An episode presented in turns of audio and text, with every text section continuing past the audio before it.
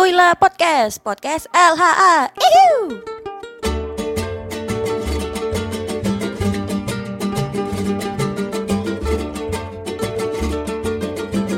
Hai, kembali lagi dengan podcast Kui LHA. Podcast Kui LHA ini adalah menjadi tempat dan cara untuk membumikan isu lingkungan hidup dan agromaritim yang sedang tren saat ini. Nah, kali ini kita akan membahas tentang pandemi lifestyle nih, yaitu urban farming. Apa sih urban farming itu? Terus gimana aplikasinya, manfaatnya, dampaknya terhadap psikologis kita di masa pandemi ini. Nah, kenalin dulu nih, saya Sani, anggota LHA juga. Kemudian ada narasumber kita, yaitu ada Mas Didi dan Mbak Maya. Halo Mas Didi, halo Mbak Maya.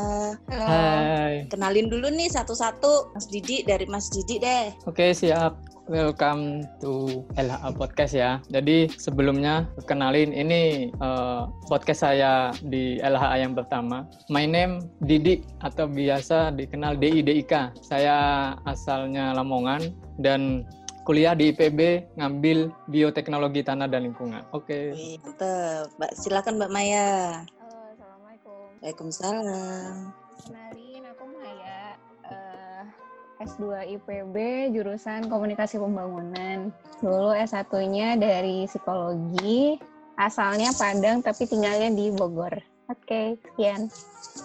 Nah, kemudian uh, ini nih sekarang kan lagi musimnya, bukan musim sih, lagi pandemi ini ya Mbak ya, Mas ya. Terus uh, pastinya kita ini kan diharapkan jangan sering-sering keluar rumah gitu kan. Jadi pasti berdampak pada stok makanan di rumah, kemudian kebutuhan sehari-hari, dan akhirnya kita menerapkan urban farming sebenarnya urban urban farming itu apa sih menurut kalian dari Mas Didi deh? Oke, saya jawab ya. Tapi saya coba menerangkan uh, apa sih sebetulnya urban farming itu dari segi historisnya dulu ya, Mbak. Ya, Karena boleh. kalau kita tanpa mempelajari historis maka tidak mungkin uh, satu peristiwa di masa saat ini itu bisa terjadi. Nah, saya coba terangkan ya uh, melalui filsafat sains, gitu ya, Mbak ya. Ya. Nah, di dalam uh, historisnya, kalau kita uh, di dalam istilah filsafat itu ada istilah materialisme, dialektika, dan historis. Nah, apa sih sebetulnya kalau kita kaji tentang urban farming ini? Jadi kalau nggak salah ini kan sebuah istilah ya urban dan farming. Urban itu kalau kemudian kita artikan sekarang itu kan sebuah perkotaan, kemudian farming itu farming itu sendiri aktivitas apa bertani ya. Nah, jadi sebelum ada istilah urban farming, maka dulu juga sudah ada istilahnya pertanian, tapi pertanian yang masih kalau dalam apa namanya sejarah perkembangan masyarakat itu kan ada istilah pertanian nomaden yang kemudian berpindah satu tempat ke tempat yang lain. Nah, kemudian uh, bertahap semakin apa perkembangan semakin maju sehingga ada istilah pertanian menetap sampai kemudian sekarang ya istilahnya ada istilah urban farming yang sekarang ini menjadi satu wacana global gitu. Nah, urban farming sendiri kalau kita artikan ya suatu aktivitas ya tanam menanam atau Eh, aktivitas bertani tapi hmm. di kota gitu. Itu sih kalau ininya apa namanya istilahnya gitu. Okay. Terus hubungan dengan materialisme, dialektika, historis tadi apa mas kira-kira? Oh iya iya, saya belum menerangkan. Oke. okay. Jadi gini, uh, secara materialisme di apa tadi ya secara filsafat kan ada materialisme, historis dan dialektika. Materialisme ini uh, bukan apa namanya kalau kebanyakan orang kan ngomong materialisme ini suka kepada uh, harta benda atau kemudian ya yang sifatnya materi-materi gitu ya. Cuman di dalam filsafat itu bukan itu materialisme. Jadi materialisme itu adalah sebuah kenyataan. Mengapa sih uh, ada istilah pertanian kota? Pasti uh, ada sebuah uh, apa namanya historis yang kemudian terjadilah satu aktivitas pertanian di perkotaan. Nah, apa sebab-sebabnya? Salah satunya memang karena alih fungsi lahan di di kota itu sudah semakin sempit sehingga tidak bisa lagi melakukan aktivitas pertanian dengan cara-cara seperti di desa misalnya karena lahan kan semakin sempit ya. Nah, kemudian eh, apa namanya? Materialisme, dialek apa historis. Nah, pasti ada satu kejadian-kejadian yang kemudian hari ini istilah urban farming itu ada salah satunya. Misalkan kebanyakan orang-orang yang di desa itu uh, ya berpindah ke kota yang disebut masyarakat urban itu. Yang kemudian tidak lagi melakukan bisa melakukan aktivitas pertanian di desanya. Karena kan kalau kemudian harus kembali ke, de ke desa ke kota ke, ke desa lagi ke kota itu kan butuh waktu yang banyak sehingga masyarakat urban yang awalnya dari desa kemudian menuju kota otomatis ingin melakukan satu aktivitas bertani yang, yang kemudian itu disebut sebagai urban farming gitu. Nah kenyataan-kenyataan itu di dalam filsafatnya itu selalu berdialektika gitu. Makanya kalau di filsafat saya ini itu kan ada istilah tesis, kemudian sintesis dan antitesis. Tesisnya itu apa? Tesisnya itu uh, kalau kita sebut dia apa? Kalau kita asumsikan tesisnya adalah bertani di desa. Nah, kemudian antitesisnya atau fak, kalau tesis tadi kan faktanya, fakta fakta lama lah, ada pertanian di desa. Kemudian antitesis apa? Antitesis itu fakta tandingan fakta tandingannya itu ya berkebun di kota misalkan sehingga muncul istilah antitesisnya adalah itu urban farming atau aktivitas bertani di kota. Itu sih mbak.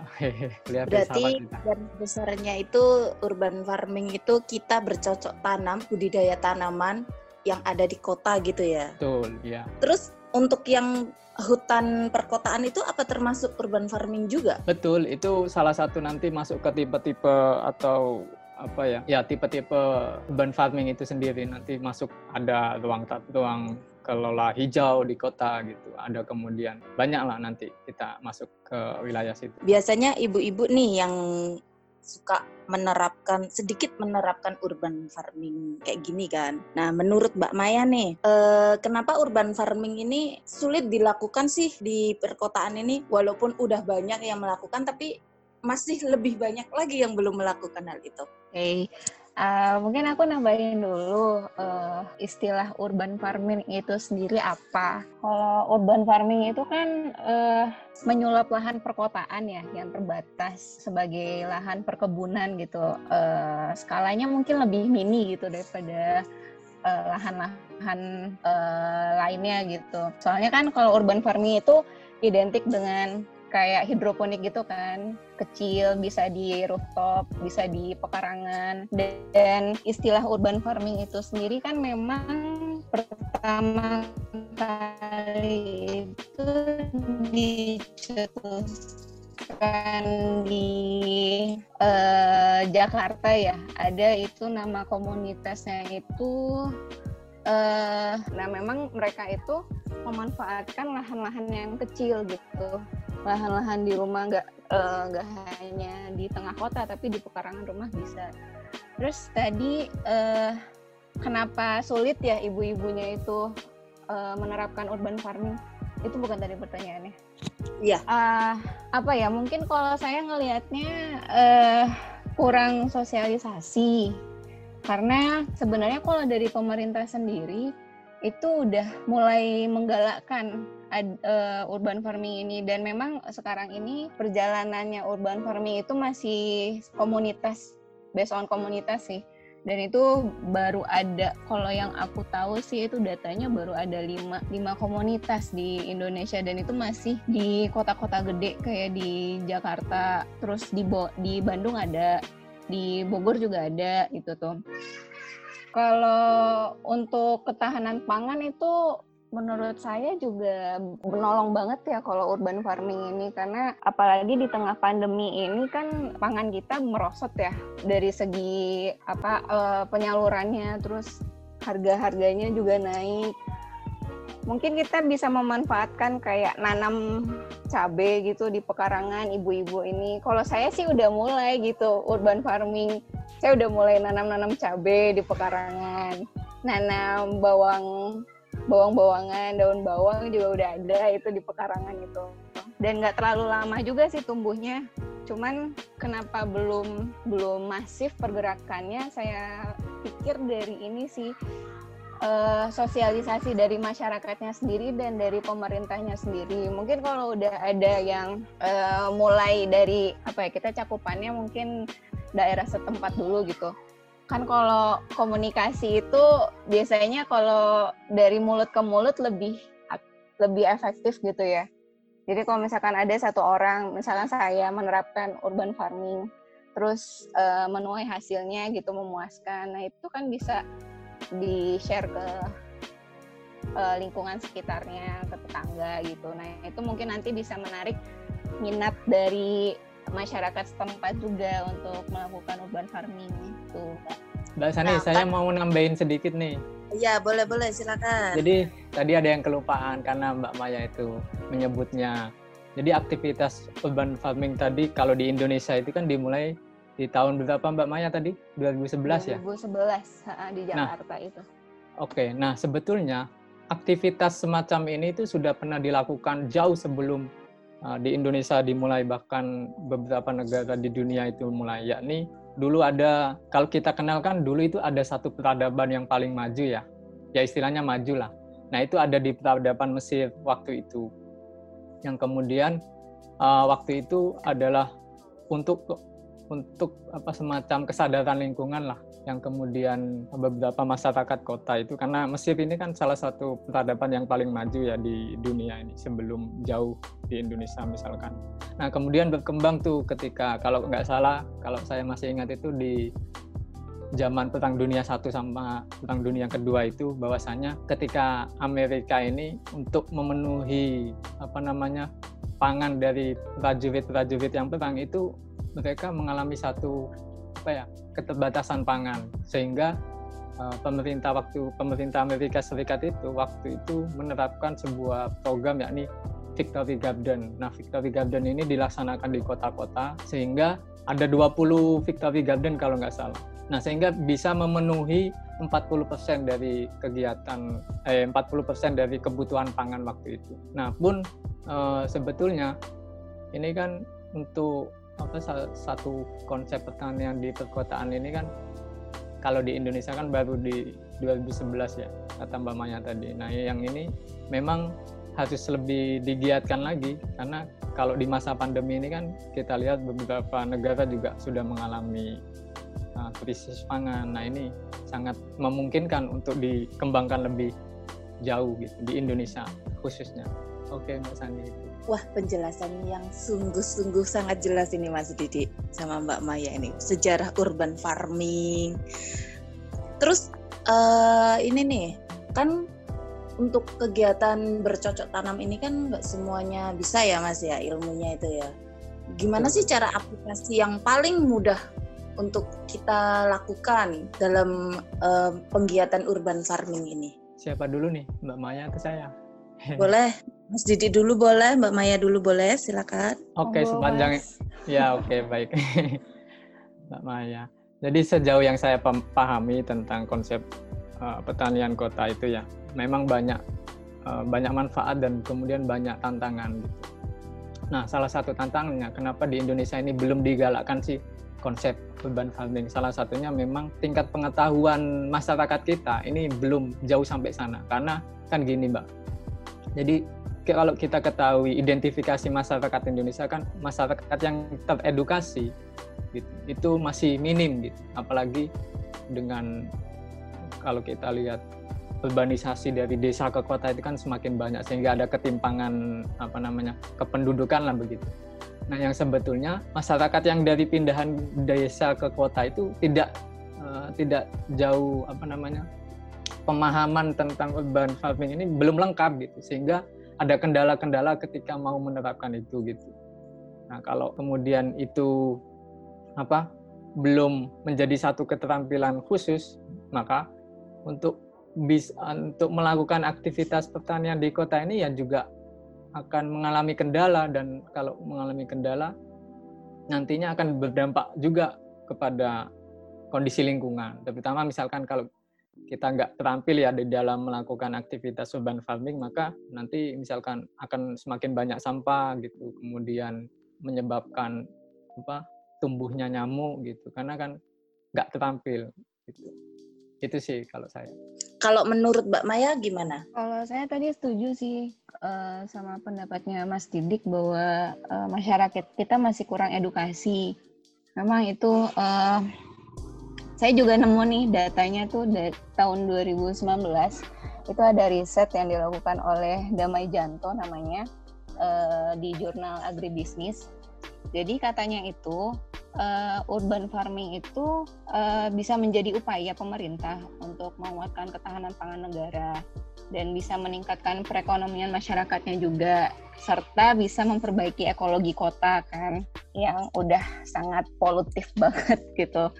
Uh, dan juga bisa mempertahankan nilai sosial dan budaya Indonesia. Memang berkebun sendiri itu udah dari nenek moyang kita sih sebenarnya. Karena kan memang kita negara tropis gitu kan.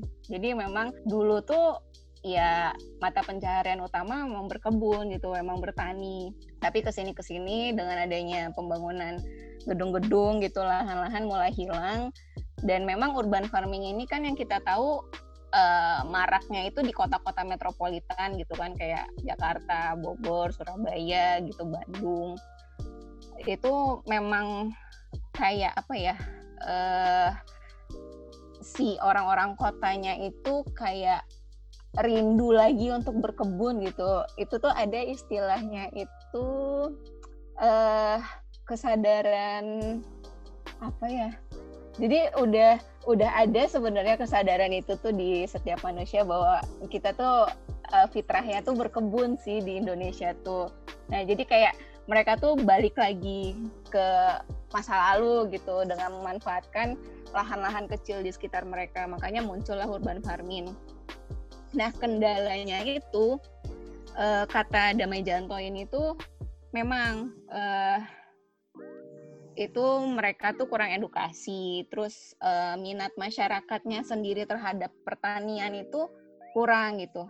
Jangankan masyarakat, uh, sarjana pertaniannya aja atau uh, mungkin bisa kita bilang lulusan dari IPB aja itu uh, mungkin kalau kita tanya nanti lulusan dari uh, IPB mau ke mana? Mau jadi uh, petani milenial kah? Atau mau ke company-company gitu kan? Mereka tentu jawabnya mayoritas maunya ke company gitu.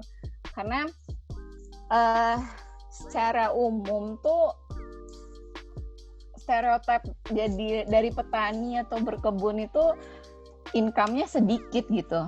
Sementara para milenial sekarang kan uh, acuannya kalau udah lulus kuliah itu adalah mendapatkan income sebanyak-banyaknya kan. Nah, sementara berkebun sendiri atau bertani sendiri itu tidak mendatangkan income yang besar gitu. Makanya itu minat dari pertanian dan berkebun sendiri itu dari masyarakat kita juga kurang. Uh, terus juga kendalanya itu kalau menurut riset ini karena ini sih susah susah dapat lahan gitu. Uh, karena di perumahan aja kadang kita nemu apalagi perumahan perkotaan gitu ya jarang banget nemu lahan hijau gitu. Rata-rata tuh gersang ataupun uh, yang ada ijo-ijonya tuh sedikit gitu jadi nggak kepikiran sama masyarakat itu uh, untuk nanam-nanam atau pakai hidroponik atau uh, metode lainnya gitu untuk urban farming. Jadi itu sih uh, motivasi mereka kurang, minat mereka kurang, edukasinya juga kurang. Nah itu sih yang jadi kendala-kendala kenapa si urban farming ini uh, belum begitu melejit gitu terjadi di masyarakat kita. Cuman ke sini ke sini kan memang mulai ini ya saat pandemi ini, ayo uh, berkebun gitu, mulai jadi lifestyle baru gitu di tengah iya. masyarakat karena ya kitanya disuruh WFH kan, yang kerjanya biasanya mobile ke mana-mana, terus tiba-tiba disuruh karantina di rumah. Nah orang lama-lama jenuh gitu di rumah mulu nggak ada kegiatan apa-apa gitu. Nah, itu mereka mulai cari-cari aktivitas fisik yang bisa merijus uh, apa emosi-emosi negatifnya mereka karena di karantina berbulan-bulan gitu kan. Nah, akhirnya muncullah ini berkebun gitu. Karena memang uh, dari beberapa riset gitu yang saya temuin, uh, urban farming ini atau berkebun itu memang sebagai suatu bentuk ini uh, psikoterapi. Dia tuh bisa mengurangi emosi-emosi negatif, terus uh, bisa karena kan kalau berkebun itu aktivitas fisik banget gitu kan. Jadi orang-orang yang bosen atau suntuk di rumah itu harus dikeluarin energinya itu. Kalau nggak dikeluarin dia mendem gitu, terus jadi uh, marah-marah nggak jelas atau mudian nggak jelas. Nah dengan berkebun itu penyaluran yang bagus banget karena kita bisa mencangkul. Ya? Uh, kita kan mencangkul, terus kita apa nanam-nanam bunga kita buka-buka pot kita ngangkat-ngangkat tanaman gitu kan. Itu kan bikin gerah banget apalagi di tengah uh, terik matahari juga kan. Nah itu jadi penyaluran emosi banget penyaluran uh, energi kita banget itu uh, si berkebun ini. Dan ngilangin kebosanan banget gitu dan memang banyak sih yang menerapkan uh, berkebun itu sebagai uh, bentuk terapi-terapi. Itu uh, kayak ini ada riset dari uh, Stone itu tahun 2012. Katanya uh, berkebun itu memiliki manfaat yang sangat nyata untuk perkembangan fisik yang pada gilirannya akan mempengaruhi perkembangan kreatif gitu. Jadi dari penyaluran fisik bisa jadi menimbulkan kreativitas juga bagi si individu itu. Uh, terus ada lagi dari Heller dan Kramer itu tahun 2008 bahwa katanya itu terapi berkebun itu bisa meningkatkan kepercayaan diri dan memunculkan rasa puas ketika tanaman yang mereka tanam itu tumbuh. Jadi memang uh, selama kita karantina di pandemi ini tuh apa ya kalau beberapa orang mungkin yang biasanya warawiri sana sini terus tiba-tiba nggak boleh ke mana-mana harus di rumah itu bisa merijus kepercayaan diri dia atau apa ya bisa bikin down lah mental down lah gitu. Makanya harus ada penyalurannya itu. Nah, si berkebun ini bisa meningkatkan percaya diri, terus mental kita jadi lebih sehat lagi gitu. Gitu sih kalau saya lihat urban farming ini banyak sisi positifnya sih selain untuk ekologi dari segi mentalitas kita juga lebih bagus sih di tengah pandemi ini, di tengah karantina ini. Gitu dan juga tadi tentunya bisa meningkatkan ketahanan pangan khususnya untuk rumah tangga sih. Kalau ubar mohon ini kan cakupannya kelas kecil ya rumah tangga gitu. Kecuali urban farming yang memang dibikin untuk bisnis gitu untuk agribisnis itu kan lebih gede lagi gitu sih. Wow ternyata banyak banget ya manfaat dari kita menanam. Padahal ini loh mbak setahu saya itu urban farming menanam bercocok tanam ini nggak hanya di tanah loh mbak kita bisa menggunakan hidroponik aeroponik kayak gitu hmm. masih aja kayaknya kurang ini ya kurang minat iya. kurang ada peminatan kurang minat karena mungkin belum apa ya mungkin kalau kita lihat eh, kalau kita lihat audiensnya itu ibu-ibu ya ibu-ibu itu kan kebanyakan nih tontonannya kan TV kalau ibu rumah tangga umumnya gitu kan. Kecuali yang high class kan mainannya gadget gitu kan. Uh, kalau yang ibu-ibu rumah tangga biasa kan tontonannya TV itu RCTI Indosiar TVRI gitu. Terus iklannya itu yang dilihat ya kayak kayak gitu. Nggak ada iklan yang mempublish. Ayo berkebun ayo memanfaatkan lahan. Ayo kita kembali lagi dulu bahwa Indonesia itu ruhnya adalah bertani, berkebun gitu tuh nggak ada gitu dari pemerintah sendiri pun nggak ada mempublish urban farming sendiri biar diga, mereka baru skala community gitu dia uh, masuk-masuknya si urban farming ini. Kalau untuk kecakupan masyarakat nasional gitu. Saya lihat masih belum ada gitu. Makanya si ibu-ibu ini belum belum sadar apa sih urban farming naon? gitu. Uh, kita nggak punya dana nggak punya modal nggak punya pengetahuan juga hidroponik apa. Itu kayak gimana sih caranya? Emang bisa gitu nanam pakai air gitu kan? Belum banyak tuh ibu-ibu yang tahu gitu. Ibu-ibu kan biasanya ngurus anak gitu dapur dan memang satu lagi nih kenapa kalau ini menurut saya ya uh, kenapa urban farming itu uh, tidak sepopuler di misalkan di Australia tuh udah populer banget tuh uh, urban farming. Memang masyarakatnya di situ uh, punya mindset uh, berkebun itu lebih sehat. Mereka mengkonsumsi pangan yang mereka olah sendiri itu mereka nggak hanya tumbuhan gitu tapi kayak peternakan juga mereka mereka uh, olah sendiri gitu. Mereka punya peternakan pribadi punya kebun pribadi. Karena mereka merasakan uh, efeknya ke kesehatan mereka gitu. Itu lebih sehat. Mereka nggak percaya sama makanan yang dijual secara konsumtif. Itu mereka nggak percaya.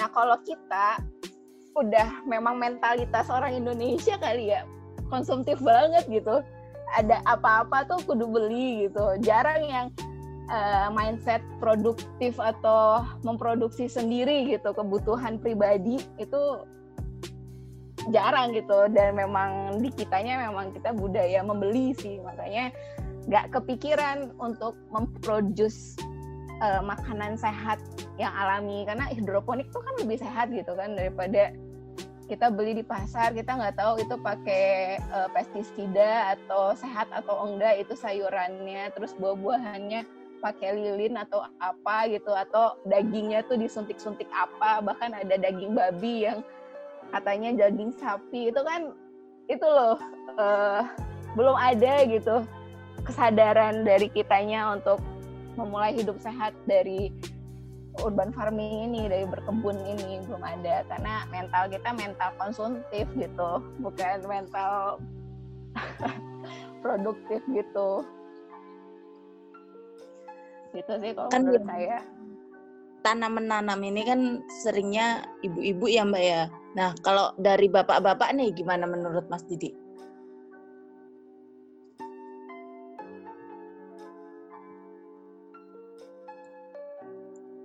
mic-nya Mas.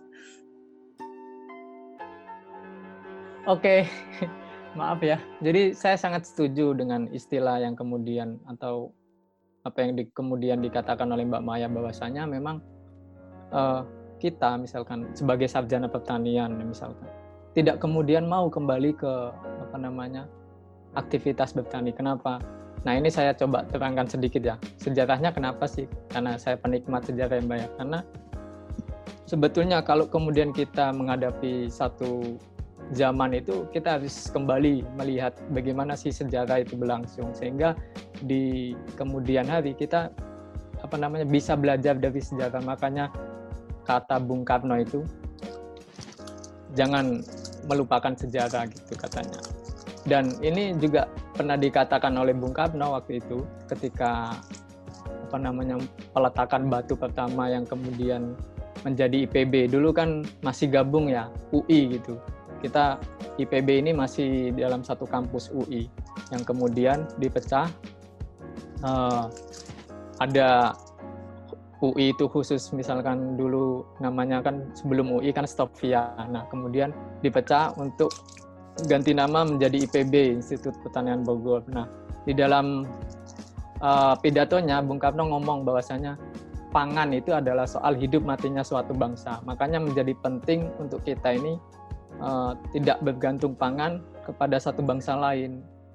Dan kemudian ini harusnya menjadi, menjadi apa ya satu paradigma yang harusnya di setiap universitas itu di ini digalakkan gitu. Apalagi universitas yang ada eh, fakultas-fakultas pertaniannya misalkan. Nah, IPB ini kan salah satu kampus dengan garda terdepan ya kalau kemudian kita ngomong soal pertanian. Dan habisnya itu menjadi uh, apa namanya satu paradigma atau satu mindset bahwasanya memang kita ini sebagai apa namanya ya uh, cendikiawan di bidang sains di bidang pertanian harus ini uh, memberikan edukasi yang positif terkait uh, soal pangan. Karena sudah dikatakan tadi Mbak Maya juga ngomong ketahanan pangan.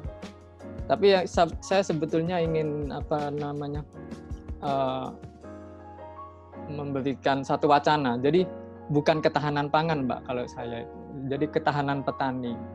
Kalau kita lihat di zaman sekarang ini kan belum ngomong ketahanan petani tapi sudah ngomong ketahanan pangan yang sebetulnya konsep dasarnya itu harus ketahanan petani dulu. Ketika petani ini sudah istilahnya sudah berdaulat gitu ya, sudah berdaulat, maka otomatis pangan itu akan secara sendirinya akan apa namanya mampu kemudian memberikan satu ketahanan bagi masyarakat yang ada di Indonesia karena petaninya sendiri sudah berdaulat. Bayangkan sekarang petani itu uh, tidak punya lahan itu kemudian banyak yang menjadi buruh tani dan hanya perusahaan-perusahaan yang besar yang punya apa namanya akses ke sana. Petani sendiri hanya apa ya istilahnya jadi buruh sendiri. Itu sih. Nah, yang kemudian menjadi tantangan bagi universitas gitu dan mahasiswanya untuk memberikan satu paradigma bahwasanya selama ini kan kita ketahui bahwasanya konsep pertanian itu uh, selalu identik dengan kemiskinan gitu. Kemudian selalu identik dengan ya di sawah. Kemudian selalu identik dengan kata kata kalau kata bahasa Jawanya itu deso. Lek awakmu petani ku wis deso wis kan itu.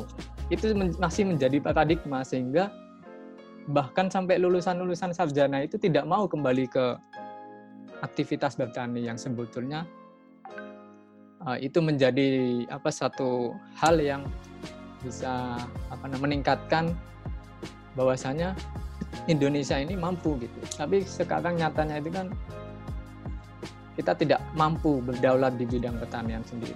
Kita masih impor dan segala macam gitu.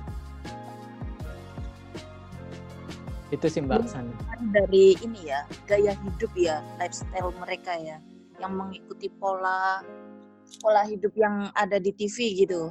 Dulunya itu kan uh, kita nggak seperti itu kan. Betul betul. Nah yang tadi nih belum dijawab sama Mas Didi. Oh iya. Kalau yang mana mbak? yang ini Mas kalau biasanya itu kan yang mengawali bercocok tanam di rumah itu kan para ibu-ibu. Nah, bagaimana hmm. kalau bapak-bapak nih? Oke, ya, saya coba mengingat ingatan saya tentang sejarah. Sebetulnya gini, dulu kan di zaman apa namanya masih pertanian nomaden itu, sebetulnya kita eh, misalnya laki-laki dan perempuan itu sudah membagi tugas masing-masing. Misalkan dulu kan kalau laki-laki itu uh, berburu hewan gitu ya untuk kemudian dijadikan makanan. Nah kemudian yang ibu-ibu memang aktivitasnya dulu itu melakukan cocok tanam gitu.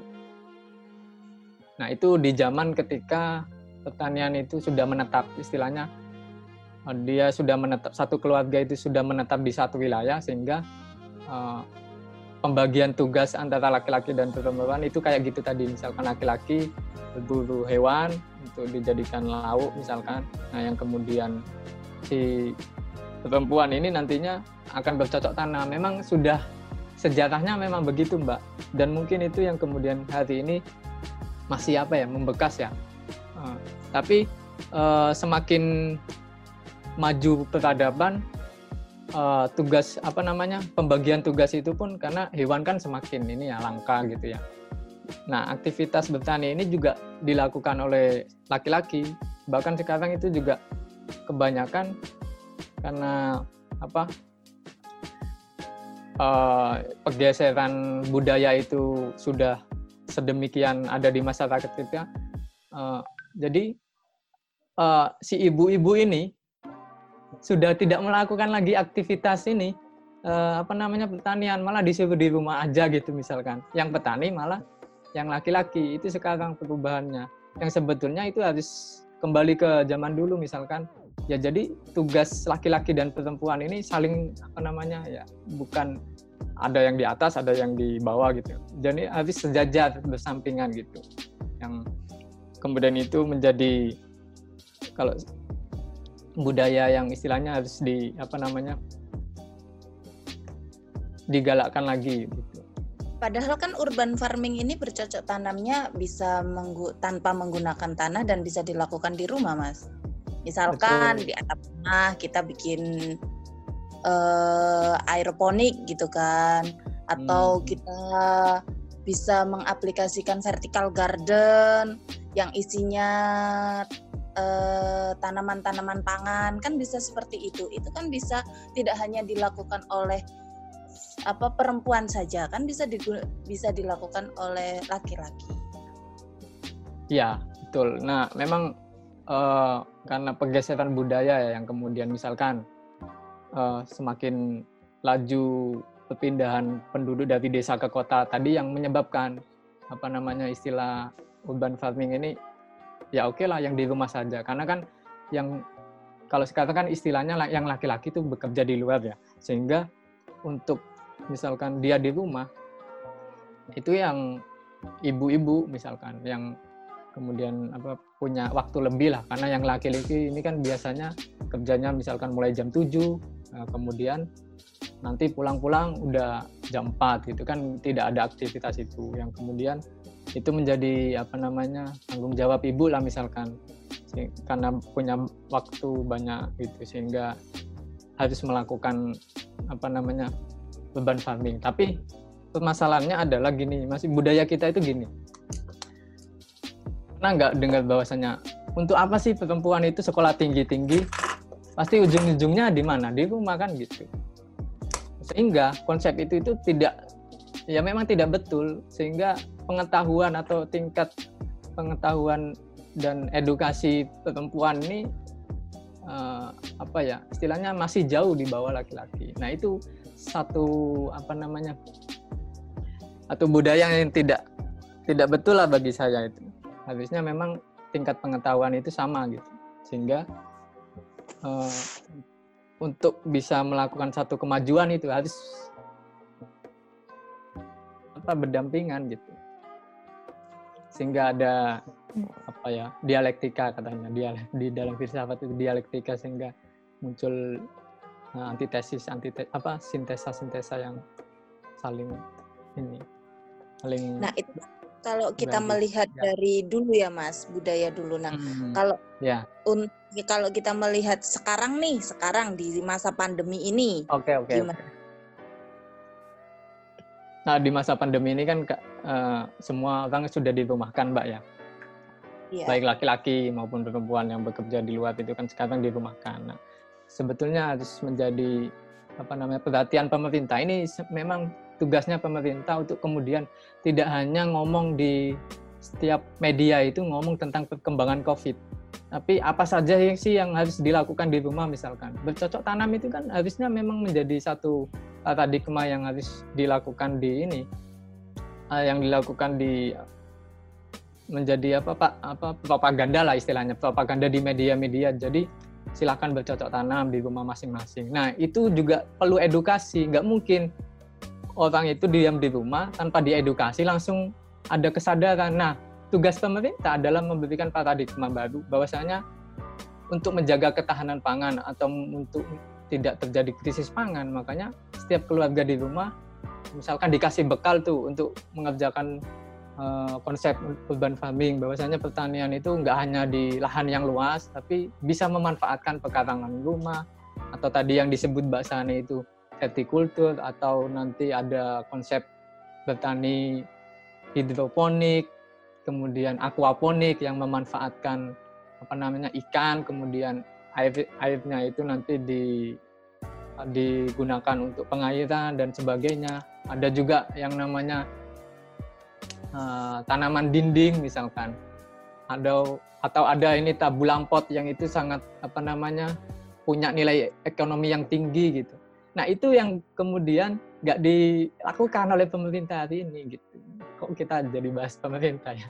Tapi ini saling ada ini sih, ada saling keterhubungan gitu di masa pandemi ini. Tugas-tugas pemerintah itu begitu.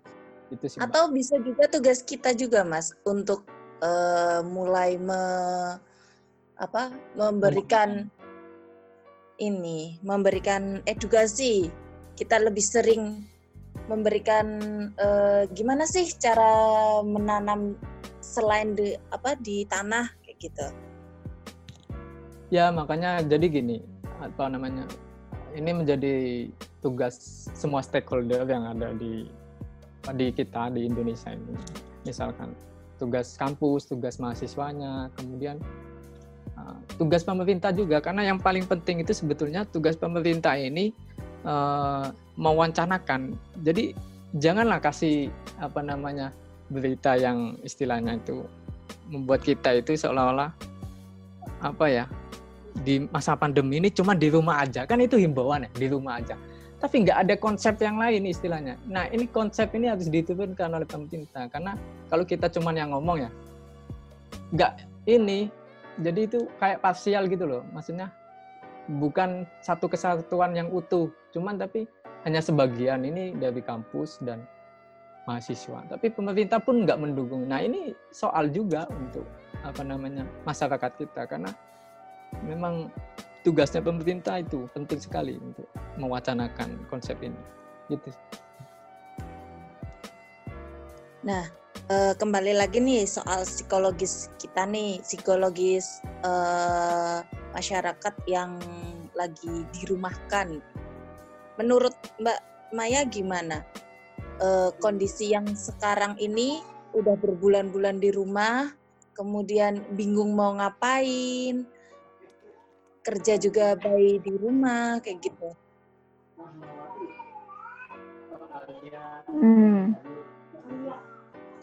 Kalau aku sih sama ya kayak tadi bahwa uh, konsep berkebun itu sendiri merupakan bentuk dari psikoterapi gitu. Bahkan ada namanya itu uh, terapi modalitas. Jadi uh, dia suatu bentuk psikoterapi suportif yang berupa aktivitas untuk membangkitkan kemandirian secara manual dan menimbulkan kreativitas serta edukasi untuk penyesuaian diri dan lingkungan. Nah, ini kan kita karantina pandemi ini kan kita sedang beradaptasi gitu dengan sesuatu yang baru yang sebelumnya belum pernah kita lakuin banget gitu belum pernah kejadian sama kita berbulan-bulan orang di rumah itu sangat tidak sehat gitu kan. Untuk interaksi sama tetangga aja kadang orang uh, sebagian orang masih takut-takut gitu. Makanya lebih lebih milih udah di rumah aja gitu nggak nggak nggak sosialisasi sama tetangga sekitar. Nah uh, di sini tuh kalau saya lihat berkebun itu sebagai salah satu sih salah satu uh, penyembuh terapi untuk orang-orang yang uh, suntuk di rumah yang uh, bosan di rumah. Terus juga uh, ada nih uh, penelitian dari uh, Vijaya Sami itu tahun 2016 uh, katanya tuh terapi berkebun itu memang efektif untuk menurunkan tingkat depresi orang yang tinggal di institusi. Nah kita kan karantina ini kayak uh, apa ya seperti terinstitusi sendiri gitu secara pribadi gitu. Nah pakailah ini untuk menurunkan depresi itu gitu. Makanya uh, kalau saya lihat ini mungkin kita sering lihat di iklan-iklan TV gitu ya jingle-jingle uh, tentang pandemi, tentang uh, protokol kesehatan, itu kan mulai banyak nih disuarakan oleh uh, Kominfo di iklan-iklan TV ataupun di uh, channel TV swasta lainnya gitu. Tapi mereka tidak concern gimana menurunkan uh, tingkat depresi masyarakat yang dikarantina gitu. Makanya kemarin itu sampai menjelang lebaran itu orang-orang membludak keluar gitu kan. Dilarang ke pasar tapi malah ke pasar pasar penuh bandara penuh gitu. Dilarang mudik banyak yang mudik gitu. Itu sebenarnya kalau saya ngelihat orang tuh udah muak gitu di rumah gitu. Mereka nggak bisa karena memang kita tuh homo homo sosial gitu kan memang orang yang eh, memang makhluk yang bersosial jadi ketika ditahan untuk tidak bersosialisasi itu sangat-sangat menderita gitu. Makanya larangan PSBB lah, jaga jarak lah, social distancing itu nggak ada gitu, nggak nggak berlaku lagi setelah beberapa di karantina gitu. Makanya kemarin tuh ekstrim juga gitu ketika orang-orang berbondong-bondong keluar gitu, padahal situasinya masih masih kritis gitu kan. Nah ini itu saya lihatnya karena mental orang udah mulai nggak sehat nih di rumah terus gitu. Terus ada didukung deh sama momen lebaran nih. Ah lebaran nih budaya kita tradisi kita tuh harus ada makanan banyak di rumah harus beli baju baru gitu. Makanya uh, kemarin tuh saya lihat berita Ridwan Kamil sendiri ngelihat survei pasar itu orang-orang bukan belanja untuk pangannya mereka bukan untuk makan mereka tapi untuk beli baju baru gitu Nah, itu kan sebenarnya sesuatu yang nggak krusial gitu, ngapain gitu lo pada keluar ke mall, ke pasar buat beli baju baru gitu, padahal lagi pandemi, otak lu di mana gitu kan. Cuman ya itu orang-orang pandemi di rumah karantina down mereka, mental mereka down. Akhirnya ya inilah cari-cari alasan lebaran loh harus beli baju baru loh jadi walaupun ditutup ya tetap penuhin pasar, penuhin mall gitu. Nah itu saya lihat sebagai fenomena masyarakat mengalami depresi sih saya ngelihatnya gitu. Nah bagi kita nih yang udah tahu nih manfaatnya urban farming, manfaatnya berkebun untuk uh, menurunkan tingkat depresi dari uh, akibat pandemi ini, akibat karantina ini, ya inilah kita sebagai uh, agent perubahan gitu kan. Setiap mahasiswa apalagi di IPB gitu terutama yang udah concern banget sama pertanian gitu perkebunan mulailah jadi uh, agen perubahan untuk masyarakat sekitar. Ya mulut ke mulut aja lah dulu uh, bilang ini loh uh, ada konsep bercocok tanam pakai air pakai uh, apa media-media yang lain gitu. Coba deh manfaatin uh, pekarangan rumah nih diajarin sekalian gitu. Kita jadi kita yang udah tahu nih misal saya nih saya kan udah mulai bercocok tanam nih di depan rumah. Itu mulai tuh ibu-ibu di sekitar ngeliat ngapain gitu kan. Dan memang sih kebetulan nih kebetulan di rumah saya di lingkungan saya sendiri juga orang-orangnya tuh aware sama yang namanya lahan hijau gitu. Mereka benar-benar uh, punya pekarangan yang ditumbuhi tumbuhan gitu, bukan hanya bangunan-bangunan. Nah, itu juga nggak apa-apa pelan-pelan aja dulu uh, orang-orang sekitar kita, karena kan memang perubahan itu dimulai dari diri sendiri dulu gitu. Nanti kalau kita udah kasih lihat, uh, eh ini aku ini loh nanam pakai hidroponik, cabenya mulai tumbuh gitu tomatnya mulai tumbuh cobain deh gitu rasanya juga lebih seger gitu ntar kalau kita mempersuasi orang dengan langsung dengan ada uh, apa langsung dilihat langsung dialami gitu sama orang. Itu itu apalagi orang yang terdekat kita itu biasanya lebih efektif gitu mempengaruhi terus juga. Mungkin ya kalau kita mau ngambil sasarannya masif gitu kan nasional ya mau nggak mau kita perlu dukungan pemerintah sih saya ngelihatnya gitu.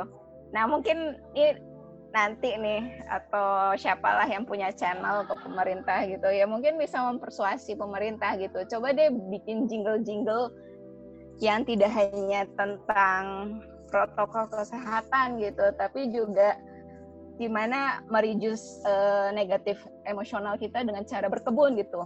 Memanfaatkan lahan gitu yang ada di sekitar. Mungkin nanti bisa bisa kita lakukan gitu bagi yang punya channel atau relasi-relasi gitu ke pemegang kekuasaan. Karena mau nggak mau sih untuk skala besar itu kita harus main sama seseorang yang punya power.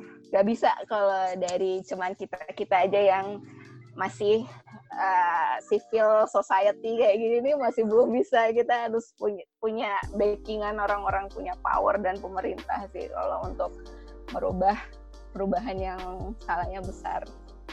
Gitu. Tapi ya tetap dari kita sendiri dulu aja terus ke tetangga atau keluarga edukasi dulu aja gitu edukasi terus uh, demonstrasi gini loh caranya gini gini nanti hasilnya gini gini gitu seperti itu. Sebenarnya nih Mbak, saya masih ini nih masih penasaran. Kenapa sih uh, bercocok tanam itu bisa menimbulkan sisi positif gitu, bisa menimbulkan apa ya, bisa mengobati psikoterapi gitu, bisa menjadi psikoterapi. Karena gini loh Mbak, uh, berkebun itu kita menyalurkan energi gitu dan emosi-emosi itu tuh sebenarnya emosi-emosi negatif itu uh, terjadi ketika energi energi-energi kita itu tidak tersalurkan gitu. Kalau dalam psikologi itu ada istilahnya katarsis. Katarsis ini juga suatu bentuk penyaluran emosi gitu. Uh, misal nih ya uh, apa ya saya lagi suntuk gitu saya lagi bad mood banget gitu. Terus uh, saya pergi ke gunung atau ke laut gitu atau berenang gitu. Terus saya teriak tuh di dalam kolam air. Nah itu tuh sebenarnya sebagai bentuk katarsis saya melepaskan energi negatif saya gitu jadi kalau kita tuh manusia uh, untuk mengurangi emosi-emosi negatif itu memang harus disalurkan gitu. Disalurkannya itu memang harus dengan energi gitu, dengan berupa energi fisik dan bisa menimbulkan kesehatan mental juga dari pengeluaran energi fisik itu. Kalau berkebun itu kan tadi seperti yang udah saya jelaskan, kita physically banget gitu kan, nyangkul lah, obok-obok tanah lah, terus ngangkat-ngangkat tanaman lah, ngangkat-ngangkat pot lah. Itu kan berkeringat ya, capek gitu. Dan uh, fokusnya ke sana gitu sehingga uh, nega sisi-sisi apa emosi-emosi negatif kita tuh tersalurkan dari keringat kita itu, dari atensi yang sedang kita lakukan ke berkebun itu gitu. Makanya itu uh, sebagai bentuk psikoterapi, tapi memang tadi yang saya bilang bahwa berkebun ini jenisnya psikoterapinya suportif gitu, emang sebagai support aja, pendukung aja gitu, bukan sesuatu yang uh, intinya gitu, poinnya enggak. Tapi dia sebagai bentuk suportif emang untuk pelepasan energi aja sih gitu. Karena dengan aktivitas fisik gitu, kita akan melupakan hal-hal yang membuat kita jenuh, membuat kita bete gitu. Makanya banyak kan istilah uh, apa ya? Kalau kita misalnya lagi putus sama pacar nih, coba deh biar nggak nggak melo-melo terus, nggak bad mood terus, atau nggak uh, sendu terus, cari aktivitas yang positif deh gitu, olahraga ke uh, apa lakuin hal-hal yang lain kayak organisasi kayak gitu. Nah itu kan sebenarnya juga uh, saran untuk biar kita menyalurkan energi kita, atensi kita, pikiran kita ke sesuatu yang lebih produktif gitu. Berkebun ini kan produktif gitu. Karena tadi memang ada penelitian yang mengatakan dia bisa menimbulkan kepercayaan diri dan rasa puas gitu. Kalau si uh, tanaman yang dia tanam itu berbuah gitu, bisa tumbuh subur gitu. Jadi memang uh, itu bagian dari psikoterapi karena dia menyalurkan energi di situ. Begitu, Mbak. Bisa meningkatkan well-being kita dengan menyalurkan energi itu. Tunggu banyak manfaatnya ya, Mbak. Nah, uh, uh, kita dari tadi sudah berbincang tentang sejarah urban farming, apa itu urban farming, terus uh, aplikasi ada banyak aplikasi ternyata ya yang bisa kita lakukan gitu kan. Terus uh, kita juga udah membahas psikologi. Nah, mari kita beranjak ke kesimpulan nih. Menurut Mas Didi dari pembahasan kita kali ini, gimana Mas?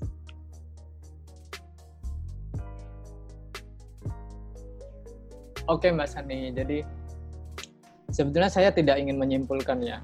Nanti biar apa teman-teman ya yang kemudian mendengarkan dan kemudian bisa menyimpulkan uh, podcast kita kali ini. Tapi yang ingin saya katakan adalah bahwasanya kalau Mbak Mbak Maya tadi kan memang psikologis banget ya. Tapi jadi saya pernah baca tuh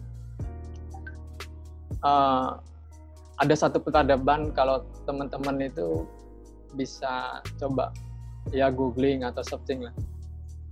Dulu itu kan ada konsep yin yang ya. Tahu nggak mbak konsep yin yang? Keseimbangan. Ya keseimbangan. Nah di dalam uh, satu kegiatan bertani itu juga ada konsep yin yang jadi memang uh, tanah ini adalah salah satu basis produksi ya dan kemudian menjadi satu kesatuan juga karena manusia ini sebetulnya diciptakannya dari tanah kan gitu kalau di dalam Al-Quran. Nah jadi nggak bisa terpisahkan itu aktivitas kita ini sebetulnya harus selalu membumi atau kemudian ya apa namanya aktivitas-aktivitas yang hubungannya dengan tanah. Nah itu konsep keseimbangan itu yang harusnya menjadi apa, uh, satu paradigma yang di masa pandemi ini harus di ini apa namanya uh, dibangkitkan gitu. Jadi kita ini awalnya dari tanah dan akan kembali ke tanah dan aktivitas-aktivitas kita itu memang harus kembali tanah itu. Kemudian uh, saya ini coba ngomong soal apa sih manfaatnya dari tadi kan kita sebetulnya kayak belum ngomong manfaat lingkungannya deh cuman sedikit ya dibahas Nah, sebetulnya banyak manfaat. Salah satunya manfaat untuk lingkungan kita misalkan. Karena ini kan ngomongnya di konsep kota ya. Jadi manfaat di kota itu apa? Salah satunya meningkatkan uh, apa namanya? Uh, kenyamanan di kota sehingga kita itu hidup di kota itu lebih nyaman karena dengan konsep uh, bertani di kota ini bisa menyelamatkan lingkungan gitu kan menyelamatkan lingkungan kota dan kemudian bisa mengelola sampah gitu dengan konsep reuse, uh, reduce dan kemudian recycle misalkan. Pem, apa, pemanfaatan kembali begitu oleh sampah-sampah rumah tangga kita untuk dijadikan sebagai baik itu apa namanya uh, apa namanya itu? Sebagai ya uh, alat-alat untuk bisa kita berkebun di di kota. Nah kemudian mampu menghasilkan oksigen karena kan kalau jelas uh, tanaman yang kita tanam misalkan itu kan akan menghasilkan oksigen yang itu kemudian akan menciptakan satu lingkungan yang sejuk gitu yang bisa kita nikmati ketika kita di kota nggak perlu kita jauh-jauh ke desa kita bisa menikmati oksigen yang segar. Nah, karena kan identik kota itu selalu dengan keadaan polusi yang tinggi gitu. Nah, kalau kita kemudian menciptakan satu lingkungan di kota kita ini lebih sejuk, pasti kita nyaman gitu. Kebanyakan yang tidak nyaman itu ya karena lingkungannya tidak ada apa namanya, misalkan tanaman, nggak ada kesejukan di sana. Kemudian juga menempatkan kota yang lebih nyaman dan bersih sehingga misalkan bisa mengurangi tingkat kesetresan misalkan menurut Mbak Maya kan. Nah itu sih sebenarnya manfaat-manfaat bagi lingkungan kita. Itu sih Mbak Mbak siapa Mbak Sani. Mungkin dari Mbak Maya ada yang perlu disampaikan lagi setuju dengan ucapan Mas Didik paling nambahin kalau sebenarnya urban farming itu yang saya lihat sisi positif aja sih banyaknya gitu. Nggak ada sisi negatifnya. Karena selain untuk membuat udara atau ekologi kita semakin sejuk gitu kan di tengah polusi itu juga bisa menambah estetika lingkungan kan. Terus juga uh, sama tadi saya lupa. Uh, sebenarnya urban farming itu enggak ini sih enggak enggak hanya dari ibu rumah tangga gitu yang saya lihat itu kayak di Jakarta berkebun itu tuh komunitas pertama tuh uh, untuk urban farming. Itu juga pencetusnya Ridwan Kamil gitu uh, sosok laki-laki gitu kan. Dan teman saya juga penggiat komunitas dia juga concern di uh, apa berkebun ini perkebunan kota ini. Dia juga laki-laki. Dan saya lihat sih saya browsing urban farming terus komunitas-komunitasnya banyak kok yang yang ngelakuin itu justru laki-laki gitu. Karena um, ya berarti kita alhamdulillah ya laki-laki uh, di Indonesia sudah aware-nya udah tinggi gitu kan awareness-nya untuk uh, lingkungan hijau lingkungan yang sejuk untuk uh, meningkatkan kembali kesehatan lingkungan peduli lingkungan. Berarti laki-laki uh, juga sudah aware gitu tidak hanya ibu rumah tangga yang uh, uh, cakupannya mungkin untuk pemenuhan pangan atau untuk uh, skala kecilnya gitu untuk keluarganya. Dan kebanyakan sih yang saya lihat juga urban farming ini dijadikan social entrepreneurship eh social enterprise juga gitu untuk agribisnis juga gitu. Banyak kok penggiatnya laki-laki gitu. Uh, terus kesimpulan saya adalah karena banyaknya uh, sisi positif dari berkebun ini, mungkin kita bisa mulai nih teman-teman uh, eh, FW kita ajak gitu, ayo ayo berkebun gitu, ayo uh, banyak loh bete di rumah pandemi karantina, ayo kebun aja yuk gitu, tanam-tanam apa? gitu, tanam mawar kayak tanam bawang kayak tanam apa cabe gitu, itu bisa mengurangi rasa suntuk, bisa jadi uh, mengurangi tingkat stres kita juga gitu. Terus ngelihat yang hijau-hijau itu kan lebih sejuk, lebih adem gitu kan. Jadi mulailah kita mensosialisasikan dengan orang-orang terdekat, mengkomunikasikannya dengan orang-orang terdekat, mengedukasi orang-orang terdekat gitu. Baru nanti mulut ke mulut, komunitas, lingkungan yang lebih besar lagi gitu. Mungkin dari saya seperti itu, Mbak. Terima kasih sama Mas Didi dan Mbak Maya. Mungkin podcast kita sampai di sini terlebih dahulu. Terima kasih sudah menjadi narasumber kita kali ini. Dan terima kasih juga kepada para pendengar yang sudah stay sampai akhir. Jangan lupa di follow akun podcast kita di Spotify Cool LHA untuk podcast edukasi lainnya. Jadi terima terima kasih mungkin kita akhiri yeah. podcast kali ini dan bisa kita lanjutkan uh, lain waktu lagi. Sekian yeah. dari kami. Iya Mbak, sama-sama.